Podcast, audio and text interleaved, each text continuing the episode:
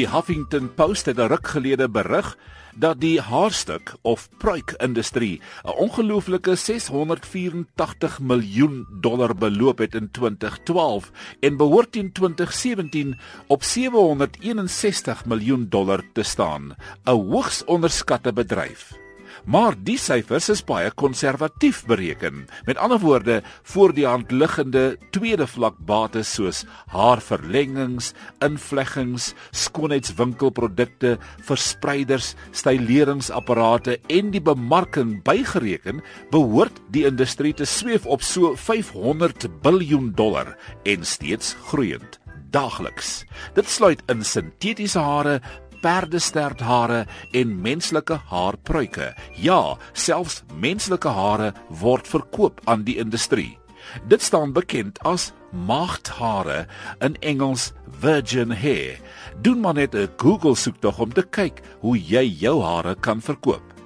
Maar dit is die kommersiële kant van die saak. In Suid-Afrika het Kansa 'n kreatiewe wyse gevind om haarskenkings te versamel.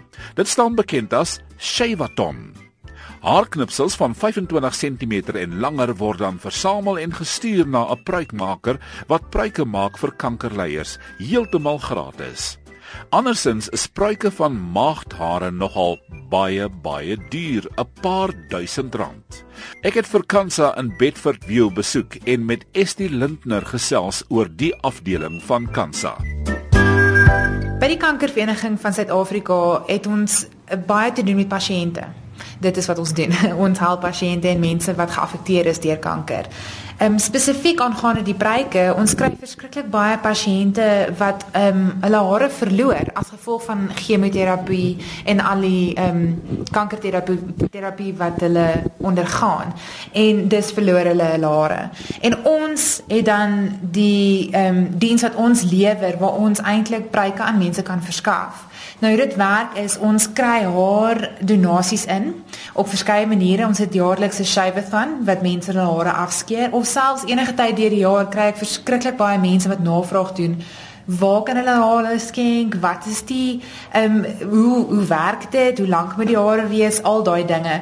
En dan skenk hulle hulle stukkie hare wat ten minste 25 cm lank moet wees dan stuur ons hierdie hare na ons breikmaker toe. Sy sit dit als aan mekaar en maak hierdie pragtige regte menshaarpryke wat ons dan verniet aan ons kankerpasiënte kan gee.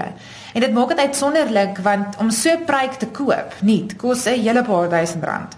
So ons kan hierdie diens verniet aan mense lewer um, wat deur kanker geaffekteer raak. Ek wou ook by ST uitvind of alle kankerleiers pryke dra. Ehm um, daar is 'n paar mense wat inkom en na die preek kyk en 'n duisend van hulle aanpas en besluit nee, hulle gaan eerder maar 'n doek dra of 'n hoed dra of 'n serp of hoe ook al en nie 'n preek wil dra nie. Party dames voel ehm um, dit is hulle manier om te sê ek is 'n vegter. Jy weet ek gaan deur hierdie ding aanvaar my my kaalkop en hulle loop daarmee sonder preek, sonder haar doek, sonder 'n serp enigiets en hulle gaan aan.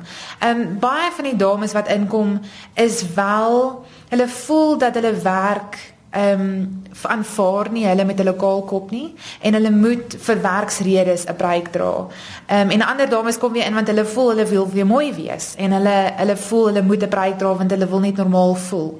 Ehm um, en dis als goed en wel en dis fyn. Elkeen, jy weet hulle eie gier. Ehm um, ons kry baie dogtertjies in selfs wat ook breike kry.